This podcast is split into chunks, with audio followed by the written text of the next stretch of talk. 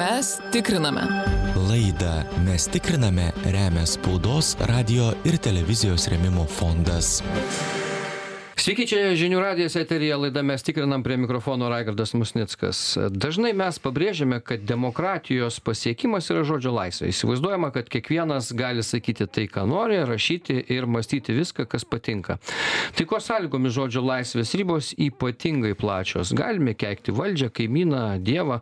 Karo metu žodžio laisvės ribos tarsi pasikeičia. Žmonė pasiskirsto į tuos, kurie palaiko karą ir tuos, kurie jam priešinasi ir smerkia. Kalbė kalbėjimas tampa labiau apgalvotas pasvertas nes kiekvienas veiksmas kiekviena ištarta frazė gali pasitarnauti priešo interesams. Ar žodžio laisvė gali būti absoliuti ir kaip e, jos ribos gali keistis priklausomai nuo aplinkybių ir ir ir tos aplinkybės na pakeitusios žodžio laisvę iš tikrųjų gali pateisinti tokį pa pakeitimą ar iš tikrųjų gali apie tai mes ir pasišnekėsime. Ir šiandien su mumis čia studijoj studijoj ginas dabašinskas politikos apžvalgininkas psichologas ir telefonu kol kas tikiuosi dainius radzevičius žurnalistų sąjungos pirmininkas kuris skuba į mūsų studiją ir maždaug po kurio laiko turėtų būti čia. Taip dainiau Taip, taip, būtinai. tai sveiki, sveiki abu, sveikas Ginai. labą. Gerai, tai gal pradėkime nuo Gino, kad neblaškytume dainiaus važiuojančio į, į, į studiją kol kas. E, Ginai, tai vis dėlto, štai nuo to aš ir pradėjau, kad demokratijos e, vienas iš simbolių yra žodžio laisvė. Kaip vat, e, pačiam atrodo žodžio laisvė dabar šiuo metu? Jinai pakeitė savo ribas ar ne? Na, absoliutumą tą. Ar, ar, ar apskritai nebūna absoliutos, absoliučios žodžio laisvės? Tai preambuliai nuskambėjo matyt e, toji mintis, kad mm, aplinkybės keičia mm, ir įsivaizdavimą, kas yra teiktina, o kas ne viešoje, viešoje erdvėje. Ir kokios pasiekmes už tam tikrus e, dalykus e, galima susilaukti įvairių pasiekmių ir matyt, kad šiandien jos kitokios būtų, jei nei, nei, nei anksčiau. Tai šitie dalykai tarsi akivaizdus, bet aš taip suprantu, klausimas susijęs buvo su bendraisiais dalykais. Ar, ar, Nu, gali ar tai teisinga, ar, ar, ar, ar, ar, ar reikėtų, reikėtų čia kažką koreguoti. Ką aš žinau, aš manau, kad šiaip jau kaip gamtos reiškiniai e, tokie nepajudinami, bent kol kas, e, audra, lietus ar, ar, ar sniegas, tai taip ir va, e, ta, ta aplinkybių visuma, jinai veikia raišką ir sunku kažką pasakyti, žmonės keičiasi. Aš dabar bendraudamas su žmonėmis, kurie anksčiau em, remdavosi mano galva e, deklaruotomis racionaliomis tam tikromis konstrukcijomis, na, kiek jie jas įsisamonina, nes dažniausiai vis tiek žmogus remiasi dalykais, kuriuos, kuriuos pats neįsisamonina, jam padeda įsisamoninti, jeigu jisai yra pasiruošęs tai padaryti, aplinka diskusijos tam reikalingos. Tai va, tai tos konstrukcijos jos radikaliai pasikeitė. Šiaip galima būtų sakyti, vat aš kai keliu klausimą, ar žodžio laisvė absoliuti, juk jinai yra apribota žodžio laisvė įstatymais, ar ne, tam tikrais dalykais mes ten negalime kurstyti karo, ten taip toliau, taip toliau, nesantaikos įvairių dalykų, kurie reglamentuoja. Tarsi būtų klausimas nekorektiškas. Bet aš turiu omeny, a, a, vat, jau atmetus tas ribas, kurios yra nustatytos įstatymu, a, kiek mes e, esame toje žodžio laisvėje ir kas mus koreguoja. Nes ne tik tai karas, iš esmės, ar ne, sakykime, karo atveju mes galime sakyti daugiau mažiau, kad na, priešas aiškus ir, ir žodžio laisvė neturėtų tarnauti, sakykime, priešo interesams. Nežinau, kiek čia teisinga psichologiniu požiūriu. Tai va žiūrėk, aš ga- galima nutrauksiu, nes čia man Tai reikia daug, sva- daug svarbių dalykų yra. Pirmiausiai, e, norėčiau vėl užfiksuoti tai, ką pasakiau prieš tai, kad keičiasi, keičiasi tie fundamentalūs e, įsitikinimai, tos nuostatos, kuriamis e, žmonės vienai par kitaip bandė aprašyti ne tai, kad atskirą pasaulio dalį, bet visą pasaulį. Ir vat, čia mes dar nesame epicentre, bet ten, kur e, vyksta karštoji fazė, taip, kur, kur, kur visą tai paliečia fizinį būvį. Griūna namai, daiktai mm. dinksta, žmonės, taip sakant, traukiasi iš šio gyvenimo. Ir, ir staiga tu matai, kad, kad tie socialiniai ryšiai, jie trukinėja ne, ne todėl, kad žmogus išvažiuoja, bet kad dinksta negrįžtamai. Tai va ten transformacijos tikrai yra labai radikalios.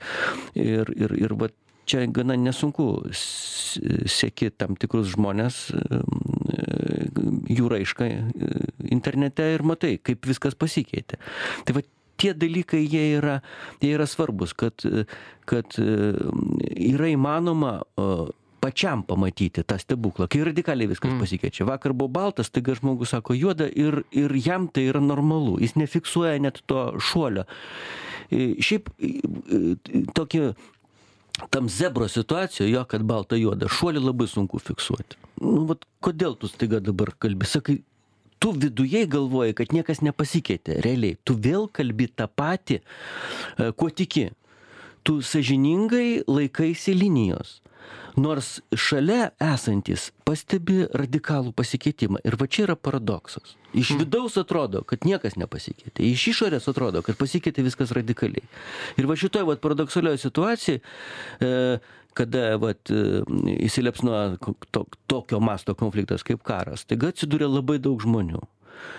Tai čia viena pusė, bet tu dar pasakai, e, supranti, paminėjai priešo, e, supranti savo, kad čia yra pats įdomiausias dalykas, kieno atžvilgių mes pozicionuojamės. Nu, jeigu taika e, visam pasauliu, arba bent jau artimiausia aplinkoje, tai nėra būtina e, radikalizuoti savo pažiūrų. Nu, nebent ten atsitinka kažkokia apšvieta ir tu staiga supranti, kad vakar buvai Saulis, dabar Paulius. Bet e, karas jisai staiga perkeičia situaciją ir tada reikia identifikuoti, o kieno atžvilgiu tu staiga dabar e, apsisprendi būti kitokiu. E, arba, na, kas vis dėlto čia yra pagrindinis veiksnys. Ir va tada priešo kategorija, jinai yra be galo svarbi ir įdomi, ne tik svarbi. Dainiau, girdit mūsų? Taip, taip, puikiausiai. E, tai va, tai mes čia dabar bandom diskutuoti, e, tam tikrą prasme galbūt e, šiek tiek giliau žvelgti žodžio laisvę. Na, ir karas kaip momentas, kaip, kaip tam tikra ta aplinkybė. E, jūsų akimis pakeitė žodžio laisvės ribas ar ne šiandien? Iš principo, turbūt greičiausiai, jeigu kalbam apie ribas, ta prasme, kad mes patys pradedam save arba kitus riboti, tai šiek tiek taip, bet esminių dalykų vis tiek nekeičia, nes žodžio laisvės klausimai reikalai yra iš esmės susitarimo tarp e, žmonių didesnio arba mažesnio rato reikalas. Na, minėjote, pavyzdžiui, apie pribojimus teisinius visai neseniai, kad draudžiama ten ar dezinformacija, ar nesantaikos kurstimas, bet, bet mato, teisinis draudimas ir realus gyvenimas visada skiriasi. Ir žodžio laisvė, kaip, na, paprastą tokį dalyką reikėtų vis dėlto vardinti, kaip galimybę kalbėtis arba komunikuoti pakankamai laisvai, kiek pats žmogus savo nori. Tai jokie teisiniai varžtai arba rėmai dar ne nepadarė arba nesutvarkė gal kabutėse vadinkime šito klausimo taip kaip kažkas įsivaizdavo kurdamas tas normas.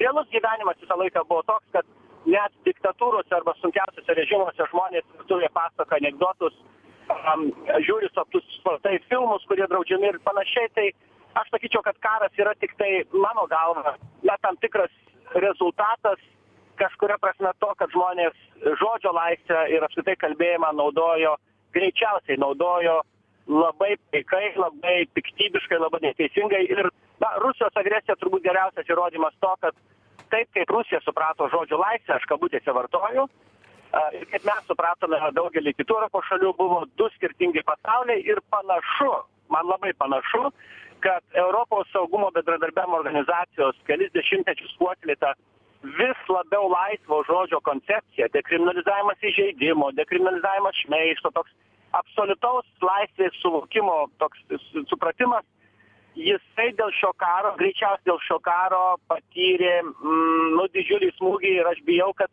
savanoriškai daugelis valstybių ir lietuva tame tarpe atsisakys ir atsisako dalies žodžio laisvės e, svarbių dalykų ir man dėl to atvirai pasakius labai liūdna įdomu a a bet dar neatsisako jūs sakote gal atsisa apskritai kalbant apie apie žodžio laisvę mes kalbam apie tokius du aspektus. Vienas aspektas tarsi yra teisinis kai na tu sakykim už tam tikrus nusikaltimus pažeidimus teisinius tu turi atsakyti juridiškai kitas dalykas atsiradusi savicenzūra. Ar tai irgi yra a momentas kuris kenkia žodžio laisvei? Mes galim sakyt niekas tau nedraudžia tu kalbėk ką nori bet žmonės vis tiek jie sveria m ką jie sako. Kartais gal nori pasakyt daugiau bet apsidairo ir galvoja ai gal čia tiek to paskui mane marginalizuos nurašys kažkur tai į paraštes ir visa kita. E, toks vat irgi savicenzūros įsivedinėjimas sau pačiam ar tai yra pavojus žodžio laisvei? Kaip jums atrodo? Aš trumpai galbūt vis dėlto patikslinsiu. Mes jau pradėjom ribojimus žodžio laisvės ir aš pasakysiu tuos pavyzdžius kurie dabar tikrai akivaizdūs yra. Pavyzdžiui e, ne vienerius metus lietuvoje na kaip čia pasakyti dūlėjo sovietmečio įvairūs reliktai paminklai simboliai daiktai į kuriuos beveik na didelė dalis žmonių net nelabai kreipdavo dė nekreipdavo dėmesio. Bet karas ukrainoje rusijos pradėtas karas jisai pagimdė visai natūraliai pagimdė ir politikų lygmeny ir visuomenės lygmeny tokia na ne tai kad netolerancija tiesiog neapykanta tiem simboliam. Ir mes priiminėjam ir svarstom dabar įvairias e, tokius pasiūlymus idėjas tuos simbolius išvis patraukt nuimt galbūt sunaikint gal dar kažką daryt. Savaime gal tai ir nebūtų nieko blogo bet iš principo tai rodo mūsų nusiteikimą kad e, dalykai kurie m, e, yra sukurti žmonių kaip ženklai kaip simboliai kaip komunikacijos žinutės E, jeigu jos mus erzino anksčiau šiek tiek mažiau tai dėl karo mes pradėjom jų ne tai kad nekęsti bet mes ieškot formalių pretekstų uždrausti riboti juos jausdami kad kad jie yra tos nesantaikos ir karo na kažkuria prasme jeigu ir ne ne pretekstas ir ne ne simboliai tai kaip minimum instrumentas kuris buvo naudotas. Ir man atrodo šitie ženklai rodo kad mes galime e, galime nueiti dar toliau bijodami e, ir to karo ir kitų karų ir kitų grėsmių dėl visa ko išjungdami ir Mm. savo bendravimą viešoj erdvėj ir dar kitus dalykus. Tai aš tą savicenzūrą matau kaip grėsmę e, visai visuomenei todėl kad karas iš tikrųjų sujaukia smegenis visiems dėkui dainiau. Gerai tai laukiam jūsų studijoj padarom trumpą pertrauką ir po pertraukos pratęsim tęsiame laidą mes tikriname ar žodžio laisvė e, gali būti absoliuti a na a atsižvelgiant aišku į tam tikrus įstatymus kuriuos mes e, priiminėdami e, nustatome vis dėlto tam tikras žodžio laisvės ribas kad ten nebūtų šmeižto nebūtų sakykim kažkokios karo propagandos visi tie dalykai jie pakankamai suprantami yra. Bet kalbant apskritai apie žmog žmonių savicenzūrą apie sakykim kalbėjimą ir minčių reiškimą karo atveju ar ar tos ribos kaip nors trinasi a ir ir trinasi arba jos kaip na galbūt netgi priešingai si siaurėja. Na apie tai šnekamės ginas dabašinskas politikos apžvalgininkas psichologas ir dainius radzevičius žurnalistų sąjungos pirmininkas šiandien mūsų laidos pašnekovai. Tai ginai vat po dainiaus minčių vis tiek jis kai kuriais atvejais mato kad karas galbūt galbūt tam tikra prasme kelia pavojų žodžio laisvei nes mes tiesiog m suprasdami kad aišku yra labai aiškios pusės priešai draugai ir visa kita. Kartais a jau e emociškai a smerkiame visus kurie nu kaip sakoma kas ne su mumis tas prieš mus.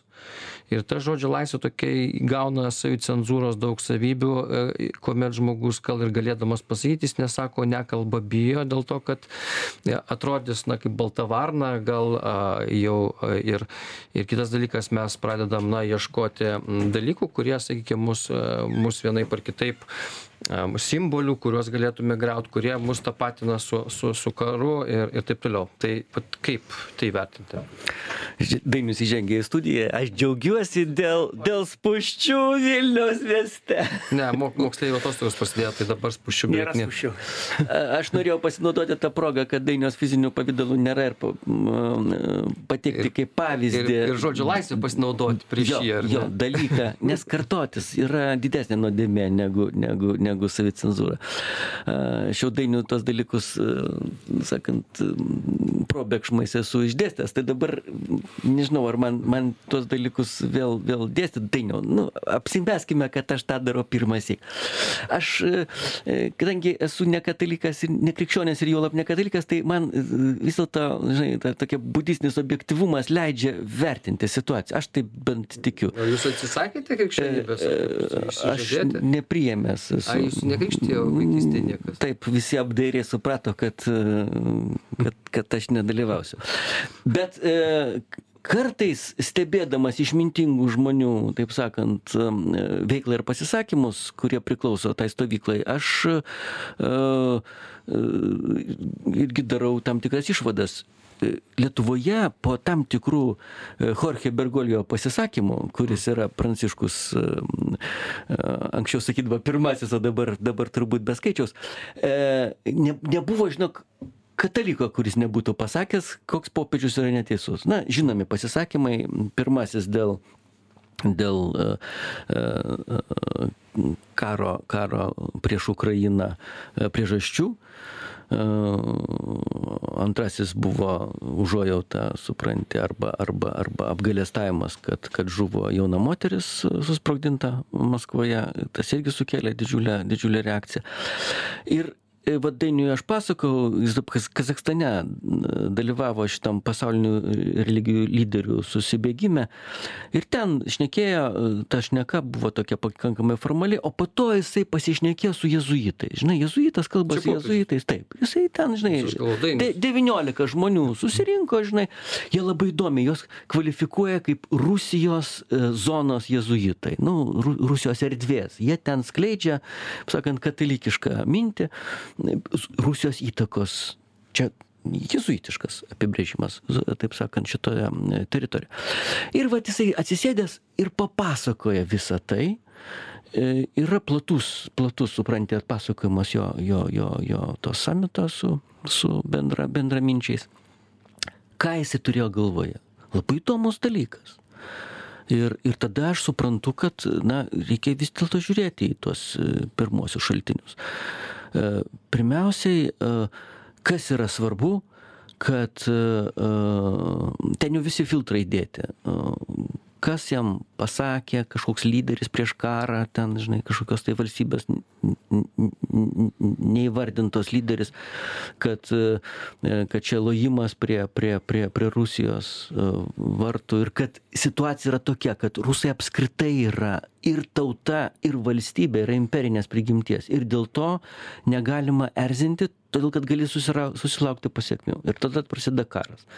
Tai vad neįvertinus situacijos, E, už kurią atsakingi turi būti visi. Ir tie, kurie pradeda, ir tie, kurie neįvertina. Ir ta bendra atsakomybė, ją reikia dalintis. Ir tas, tas tarp jezuitų skamba turbūt normaliai, kad, nu, ši atsakomybė turi dalintis. O aišku, viešoje erdvėje, ypač jaudrintoje karo, taip sakant, visų, visų žinių, e, tai yra kažkoks pozicijos užėmimas. Dabar popiečius labai trumpai dar aš pasakysiu porą dalykų, kurie man regis yra svarbus. Jis sako, kad iš esmės čia reikia uh, kreipti dėmesį į aukas, o ne į tuos, kurie uh, pradeda kariauti. Nes atsak, atsekti, kas pirmas, yra labai sunku, gal net ir neįmanoma. Bet svarbu yra dabar padėti tiems, kurie kenčia. Ir neįsileisti neapykantos į savo širdis. O čia yra, man atrodo, centrinė supranti mintis.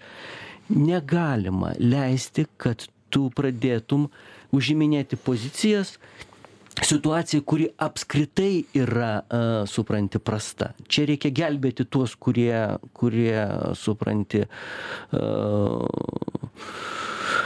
kurie kenčia, o ne, o ne padėti. Nu, tikrai, čia, bet popiežiaus atveju žodžio laisvė, tai čia nei, nei kaip, nei, nei kitaip. Čia, nei, Kas nei, kaip, nei, nei, kitaip? nei čia labai e, iš esmės kažkur tai galima būtų sakyti, kad e, jisai čia kažka, kažkokios tai ribas pažeidė ir nieko. Nu, to dar betrūko, kad e, krikščiai, katalikų bažnyčios galva jisai būtų kaip nors sakęs, taip jiems ir reikia, gerai, kad žuvo, gerai, kad susprogdino. Nu, natūralu, ką jisai sako. Jisai išneka taip, kaip žmogus, kuris atstovauja aukščiausiai katalikiškai institucijai ir Jisai šneka kaip žmogus, kuris nedalyvauja kare. O dabartinėje situacijoje nedalyvauti kare yra dalyvauti priešo pusėje. Ne, kare dalyvauja visi iš principo turbūt čia, šiai dienai, bet, bet vat tai tas ir- čia tas ir svarbu. Bet- Žmogus sudalyvavo ne kare, o bendresnėje situacijoje. Jisai sako, karas vyksta. Ir Ne, karas tai čia mūsų Ukrainoje yra tik problema, tai karo mūsų problema dalis. kad mes jį e, m, e, turbūt taip pastatėme tokią poziciją ir sakom, kad popiežius kažko čia nesuprato. Tai va, žiūrėk, tai va, aš Mūsų dabar greitai pabaigsiu. Ką reiškia mūsų problema? Mū, mū, Ne, mūsų nu, tam katalikų prasme problema. mes, kurie žinome, kurioj pusėje mes esam. Popiežius, jisai, nu, jisai yra katalikų Ir dabar, ir dabar aš bandau suprasti, ar e, katalikui, kuriam popiežius turėtų būti autoritetas, reikėtų įsiklausyti į tai, ką sako senas, patyręs, e, išmintingas žmogus, ar turė, turint savo iš ankstinę nuomonę, kad tu esi teisus, pasakyti, kad jis ne tai, kad klysta, nesuprato, kairysis, e, e, gal žmogus jau senas, panašus į Bideną. Aš kada paklausiau ir pasižiūrėjau komentarus, aš suprantu, kad mes gyvename nekatalikiškai šalyje. Tai mane džiugina. Bet iš tikrųjų tai e, ir gazina, tu, kad tie žmonės, jiegi deklaruoja visai kitus dalykus. Tarp deklaravimo ir raiškos atsirado didžiulė, didžiulis plyšys. Gerai, e, trumpą pertrauką padarom. E, Dainius Radzevičius prisijungia prie mūsų studijoje, po pertraukos pratesim. Tęsime e, laidą, mes tikriname, ar žodžio laisvė absoliuti. e, Na, norėtųsi, kad jinai būtų absoliuti gal. O gal ir nesinorėtų. Čia didelis dar klausimas. E, Ginas Dabašinskas, politikos apžvalgininkas ir psichologas, Dainius Radzevičius, žurnalistų sąjungos pirmininkas, šiandien mūsų laidos pašnekovai. Dainiu, e, mes iš tikrųjų baigiam karų, bet nesinori vien tik tai čia apie tai, kaip karas e, galbūt varžo, na, tam tikrą prasme dėlioja mūsų žodžio laisvės ribas. Mes turime pasirinkti pusės aiškiai, na, tokia pasaulietinė visuomenė, skirtingai nuo popiežiaus, kurį mes, reiškia, iš aptarinėjom ir, ir kartais mes, na, popiežiaus kalbėjimą irgi pagal savo pasirinktas pusės matom. Na, tai čia būtent karo fone, bet ne tik karas, pastarųjų metų įvykiai turbūt irgi smarkiai e, dėjo tam tikrus apinas ir žodžio laisvėje. Visokios pandemijos, visokie e, e, iš esmės mūsų vertinimai lyčių lygybės, Stambulo konvencijos, kas tik tai nori labai keitė e, žmonių e, norą kalbėti, pasisakyti, pasisakyti vienaip ar kitaip, galvoti, ar gerai pasisakėjai, kaip čia. Tas jaučiasi ar ne? Stipriai, žinot, Lietuvoje labai mažai kalbėjom, kol kas ir dar kalbam apie tokį dokumentą, dabar atsirado visai naujas dokumentas, irgi istorijoje seniai tokio nebuvo. Europos komisija pasiūlė, jeigu matėt, spaudos laisvės aktą tokį. Aš visiems primenu, kad pirmieji tokie dokumentai Europoje atsirado, kurie garantuoja spaudos žodžio laisvę apskritai. Tai 48 metai, ten 50, kalbam apie konvencijas pirmasis ten ir taip toliau, žmogaus teisų pagrindų laisvės apsaugos. Ir atrodė, kokį 50 metų daugiau mes čia kažkaip gyvenom Europoje geriau, mažiau vis judėdami į didesnės laisvės jas užtikrinant. Ir čia daug konvencijų minėjau, Stambulo, dar kitas apie visokias ir mažumų teisės, daug, daug, daug visko buvo padaryta. Ir staiga karas, aš jo ir užbaigsiu, labai daug ką sugriovė. Ir štai šitas spaudos laisvės aktas, jisai, man atrodo, labai gerai mm, diagnozuoja temas, kuriuose apsižiūrėta, kad e, ir žodžio, ir spaudos laisviai e, yra jau ne tik atsiradę grėsmių, jos realiai veikia kurį laiką, tik mes apsimetėm, kad jų nematom ten pradedant redaktorių priklausomybėm, korporacijų dominavimui. Ir šitas aktas jis taip kažkaip sukėlė tam tikras bangeles, bet nėra tikros diskusijos. Aš, pavyzdžiui, priminsiu, kad jeigu jūs matėte spaudos laisvės indeksus e, šių metų naujausius, tai, pavyzdžiui, Lietuva ir ten jeigu pažiūrėtume kokia penkiolika valstybių pirmųjų pasaulyje tarp jų nebėra nė vienos vakarų europos valstybės vakarų pasaulio valstybių. Jos pakrito gerokai visos pasitraukė. Kitaip tariant lietuva zelandija ir kai kurios kitos šalys e, laisvesnės negu vakarų šalys. Ir tai ką tu raigardai pasakei tai tik rodo kad e, žodžio laisvės ribojimų apskritai daugėja įvairiose diskusijose. Aš jau nekalbu, kad žodžio laisvę mes dažnai tik tai kaip, kaip šnekėjimą priimam, bet žodžio laisvė apima saviraiškos laisvę labai daug dalykų. Mm. Ir, ir, nežinau, Prancūzijoje kažkada burkų draudimai ten e, tam tikros viešos vietose, dar kiti klausimai. Man atrodo, jie vis dėlto rodo, kad e, turėdami ir turėję dešimtmečius e, labai aiškiai krypti į žodžio laisvės propagavimą ir užtikrinimą, mes susidūrėm su tikra realybė, kad tikri geri norai mūsų buvo žymiai aukščiau pakilę realaus gyvenimo, neįvertinus aplinkybių, kad, e, na, žodžio laisvė, jinai galiojant visiems, dažnai tampa įrankiu tiem, kurie moka ją agresyviau, įžuliau dėl savų tikslų pasinaudoti. Ir dabar tas spaudos laisvės indeksas iš esmės įvardina tas problemas, Tai jog, jog turintys politinės, ekonominės, kitokias galias ir piktus kėslus, bet dėje jie jie sugeba labiau ne tik pasinaudoti, bet labiau užgošti e, kitų balsus. Ir, ir čia mes prisu- priėjom prie to, kad reikia ES svarstyti spaudos laisvės aktą, naują dokumentą. Lyg, tai, lyg mes turėjom anksčiau nepakankamai instrumentų garantuoti e, žodžio laisvę. Mes turėjom konstitucijas kiekvienoje šalyje, kurios garantuoja. Mes turim krūvą teisės. O kas, o kas iškylo Laisvė žodžio? yra, žodžių, kad būtų. Gerai, bet, bet, bet, kad bet, būtų- bet gerai, kas, kas, kokie dalykai, vat, sakai, instrumentai, Nu, kuriais žmonės išmoko pasinaudoti ir, ir kam jie Na, naudoja tą žodžio laisvę? Imkim platformas, interneto platformas, kurios viena vertus buvo ilgą laiką traktuomas kaip spaudos ir apskritai žodžio laisvės, tokios e, absoliučiai tokio laisvo, nevaržomo kalbėjimos ir kalbėjimo pasauliui e, galimybė, ypač šalyse, kur diktatūros ir taip toliau. Ir staiga mes atradom, kad e, kai kurių platformų, pavyzdžiui, Facebook algoritmai, verslo modeliai, jie sukurti negarantuoti žodžio laisvę, net įvedus, įvedus tam tikrus apribojimus žmonėm, kurie nori pasiekti, net spaudai įvesti apribojimą pasiekti auditorijas, bet, bet sukuriant privilegijas tiem, kurie arba susimoka papildomai pinigų, arba sukuriant privilegijas e, algoritmus, reiškia, nustatant, kad tam tikras turinys dominuoja ir vieniems žmonėms duodamas, o kitas atvirkščiai visai tau neduodamas. Tai mes čia prieinam prie to, kad žodžio laisvė kaip žmogaus galimybė komunikuoti susidūrė su filtrais, instrumentais, technologijom, kur mes galvom, kad žmonės ją sukūrė, iš esmės norėjo bet mes, e, apibendrinant, išnekant, mes patys kalti, kad patikėjom, kad čia yra ne instrumentas. gal buvo tokia. E, Apskritai kyla įtarimas, kad e, žodžio laisvė buvo vienas iš instrumentų dominuoti. Jeigu plačiau pasižiūrėjus, plačiausia prasme, tai vakarietiškai civilizacijai. Va, atvažiuokit pas mus, jo, mokykitės pas mus. Pas mus yra tokia, tai, e, suprantat, toks rinkinys e, e, įvairių teigiamų, pozityvių dalykų ir tarp jų yra galimybė šnekėti e, ir apie jūsų valdžią, ir apie mūsų valdžią, viską, kas tik tai ateina į galvą.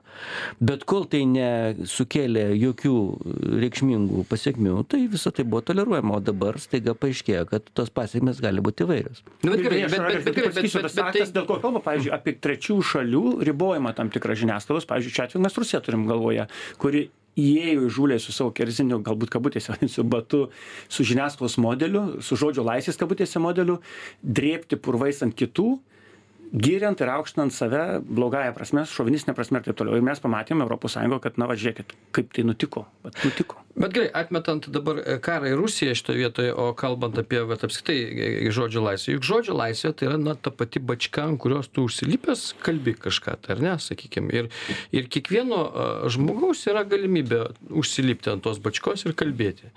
E, Vieni tą, tuo gali pasinaudoti, vieni moka garsiai rėkti užsilipę ant bačkos, kiti kažkodėl nenori lipti ir, ir bijo kažką sakyti ir paskui sako, žinote, jie valdo, jie, kurie užsilipa ant bačkos. Ir kodėl? Raigardai, Esminė situacija yra ne ta, kad žmogus užlipa ant bačkos, ar vyno ta bačka, ar parako statinė. Esminė situacija, kas tas bačkas stato. Kas jas parytina toje vietoje, kur galima užlipti. Kol situaciją galima valdyti, tol, mano galva, e, e, e, žodžio laisvė yra garantuojama. Kai situacijos nebe, žodžio laisvės pasiekmių negali sukontroliuoti, tai jį tada O riboja. kas jie stato tas bačkas? O kas stato, žiūrėk, nu, vat, apie internetą buvo, Mhm. užsim- nu, laisvas internetas, kam reikali. Čia yra viena iš versijų, neteisinga, bet sakykime, tol, kol nesukaupsime pakankamo kapitalo, ten nesuplauks labai daug pinigų, tai bus laukiniai vakarai. Nu, kaip populiariuose filmuose. Jo, kaubojus, koltas ir daro teisingumą, supranti, šerifas susidėjęs ženkliuką. Bet kai atsiranda finansai, atsiranda geležinkeliai ir laukinius vakarus sutvarkė geležinkelių sistema. Dabar atsiranda internete geležinkeliai. Tai yra linijos, kur tu gali važiuoti, gali nevažiuoti. Yra tie, kurie pakelia, e, perstumia bėgius, tie, kurie tvarko, supranti, visą eismą. Ir mes dar pamatysim, mano galva, kad internetą galės įeiti tik su asmens, su asmens kodu. su tam tikru mokesčiu. Čia kaip ir važinėjai, ir bus labai suprantama. Klausykit, kas čia nemokamai važinėja, kas čia vyko. Betgi buvo laikai, mes prisimenam, nu, mes jau kalbėsim truputėlį neartikuliuotai, oi, prisimenam laikus. Bet buvo tie laikai ir pražuvo, atėjo kiti laikai.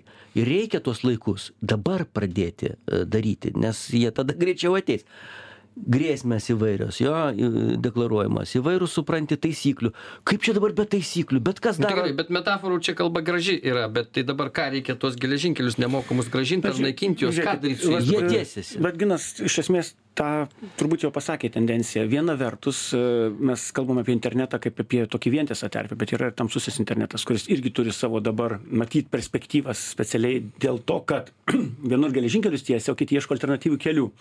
Mes matom, kad, pavyzdžiui, kokia nors korporacija Google, gamindama savo įrenginius, jau siūlys vartotojams integruotus VPN arba tas virtualius e, būdus, sakykime, savo dislokacijos vietą internete. Meksikos keisti. pasienis, Taip, Tai aš už tai e, pratesdamas turbūt pasakysiu, kad žodžio laisvės deklaracijos, kurios iš tikrųjų mano galva buvo na, labiau nei gražios, jos iš tikrųjų buvo tokios, na, pra- praktiškai tikėjimo lygmenyje pasiekę, bent jau Europoje, tai tikrai. E, jos susidūrė su, su labai sudėtingais ir iš tikrųjų ne, žodis tamsiais laikais gal netinka, bet sudėtingais laikais ir mes panašu, kad nesugebėjom susigyvent su daugeliu e, reiškinių, va, tom statinėm minėjot, kurio, ant kurių žmonės lipa.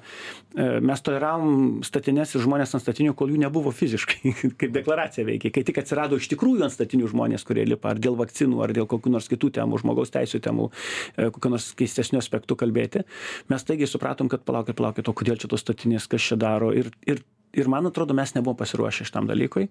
Tai yra žodžio laisvėj ne deklaracijų lygmenyje, o realiam lygmenyje ir čia man atrodo objektyvios yra bent kelios priežastys vienos mes net nepaminėjom mūsų pačių kultūra bendravimo Bet gerai, e- apokaliptinį vaizdą, kurį čia nupaišė Ginas dabar, kad bus tuo čia viskas mokama ir visą kitą. Vat iš tikrųjų, kiek pati žodžio laisvė jinai sugeba neleisti uždėti apynasrių savo pačiai. Nu taigi vis tiek yra, yra gerai, yra kažkokios korporacijos. ir subjektas ta žodžio laisvė? Taigi yra va- tik tai susitarimo būdas tarp subjektų. Buvom kažkada turėjom interneto. Lietuvos portaluose anoniminius komentarus. Kaip reiškinys atrodė puikiausia e, terpė žodžio laisvėje anoniminiu būdu, kas yra garantuojama ir pas mus konstitucija. Bet iš tikrųjų reikalingi pritraukti ka- o Kas vartotoją. atsitiko dabar? Dėl tų įvairių grėsmių mes matėm karo metu apskritai buvo išjungta pačioje pradžioje komentarai, prieš tai dar atsiradę buvo e, IP adresai rodomi. Ta prasme, ta absoliuti žodžio laisvė iš tikrųjų, kuriai aš visą laiką advokatavau ir advokatausiu, kol galėsiu, jinai dėje, bet jinai negali lengvai uh, gyventi. Tiesiog, vat, kaip reiškinys, pasakom, kad yra žodžio laisvė ir jinai gyvuoja. Neišeina taip pat. Sustarimą, apie kuriuos minėjau, juk čia sustarimo klausimas. Galėjom ir palikti žodžio laisvę net karo metu. Bet žiūrėkit, sustarimai šimtus metų galioja, kad karo metu žodžio laisvė negalioja jokie ten reiškiasi garantai, E, galima išjungti, apriboti, nes tai yra karas. Ir panašu, kad niekas ir nepasikeis. Tai aš, Raigardai, apokaliptinio vaizdų nevadinčiau gino, gino kalbėjimo, aš sakyčiau, jisai labai realistiškas Nu, bet čia netgi karo įvaizdį metų šiandien spaudos laisvės aktas, jeigu jas pasižiūrėsite ES, Europos komisijos dokumentą, jisai kažkuria prasme kalba didžiai dalim jau nebe suteikiamas laisvės ir teisės, bet jis panašiai kaip administracinis kodeksas, kuris reguliuoja, kur ko galima daryti arba ko negalima, arba ką privaloma padaryti, kad eismas būtų e, labiau reguliuojamas. Ir, ir, ir mes tą kryptim judam, tai yra žodžio laisvė bus vis labiau reguliuojama. Taip sakant, laisvė Gerai, o kas reguliuojama. jos bus nešėjai šiuo atveju tada? Nes, nes jeigu mes taip kalbam apie reguliavimą, mes turim tada nusistatyti, kad bus žodžio laisvės nešėjai, kurie va, turės teisę kalbėti, turės teisę reikšti savo nuomonę, turės teisę turėti kažkokius tai ten portalus savo ar, ar ten dar kažkokius Yra nešikai, tai kurie Jo. yra nešėjai. Knygnešiai, jo, Kas knyžia- nešiai? Kas bus tie, kuriuos įleis nemokamai į žodžio laisvės karalystę? Tie, kurie tiesa? priminė sprendimus, va tie ir. Maskas dabar priminė sprendimus, va tuos ir įleis. Jie, jie, Twitteryje. na tai, tu matai e, tokias e, populiariasias figūras, anapus tų populiariųjų figūrų yra dar visokiausių kitų, kurios, mm. taip sakant, nedalyvauja arba dalyvauja nedalyvaudamos. Yra tų žmonių, kurie turi pakankamai jėgų. Aš dabar, žinai, ekonominės, tra- pakankamai jėgų e, piešti pasaulį ir jį įgyvendinti pagal tai, kaip jį supranta. Vat pažiūrėk, nu, Maskas dabar pasikvietė krūvą žmonių į Helovino, supranti, vakarėlį Drakulos pilį. Va, va tokiuose vakarėliuose sprendžiami dalykai, kurie e, e, susiję su mūsų pasaulio vaizdu. Čia tik tai vienas iš po populiariųjų. Aš ten nebuvau, nežinau. Ir man Sobčiak nebuvo. Čia aš tikrai žinau, kad bet tų dviejų Ir tu žmonių ten tikrai man nėra. patyrimas į Twitter, mano galva, yra dar labiau svarbus reiškinys. Lygiai taip pat pamatėm, kas nutiko. Twitter didžiulė platforma pasaulyje, viena iš tokių na, žinomų turbūt e, platformų, kuri turėjo įvairias patirtis e, nuo to, kad leido ponui Trumpui reikštis ir po to nebeleido jam reikštis. E, Ponas Maskas su ateimu kaip savininku na, deklaravo, kad jis mato visiškai kitaip Twitter, nors dar neaišku, kaip mato ir atleido vadovus. Bet tu pažiūrėk, kas atsitiko. Iš pat pradžių, žinai, vat buvo demokratiška čia žodžio laisvė. Staiga dabar per visą šitą sandorį paaiškėjo, kad Twitteris, nu yra tokia nuomonė ir ją įtakingi žmonės stumia, kad tai yra jokių būdų nedemokratiška struktūra. Ten buvo visokie botai, jo, ten viskas buvo sukonstruota. buvo. Jo, ir vis, už viską buvo atsakingi tie žmonės, kuriuos dabar ištrenkė, supranti? Jie, jiegi visą tą padarė. Jie šitą sistemą padarė ne žmonėms, o verslui. Ir apgudinėjimas. Mes apie Facebooką jau anksčiau tą girdėjom. Tai dabar paaiškėja, kad, kad visos tos, supranti, platformos, kur mes čia reiškiamės ir džiaugiamės, kad čia yra žodžio laisvė, pasirodo yra reguliuojama aplinka. Maskas tik tai, kadangi vat, per, jisai simbolis tam tikras, žinai, vat, simptomas lygos. Bet nepaisant to, kai prisišneka ką nors maskas, tai žodžių laisvė padeda mums gerai suprasti, Žiūrėk, jis ką jisai tiek, jisai turi tiek pinigų ir įtakos, kad gali sauliaisti kartais pa, pa, pa, pagalvoti i, i, Nu, ir brūkštelėti. Kai akcijų paskui. O po to staiga jisai sako, gal, gal, ai, velniop. Labai gražus buvo įrašas. Velniop. Tiek daug Bet- nereikia bet- pinigų turėti, kad galėtum turėti žodžio laisvę, užtenka ir mažiau turėti turbūt. Dainiau, tai vis tiek pabaigai, kad įdomu paties nuomonė, tai toks tarsi mes šiandien su liūdnais vaizdais čia, nu, vis blogiau, blogiau tai žodžio laisvė bus, betgi turėtų jinai vis tiek kažkaip.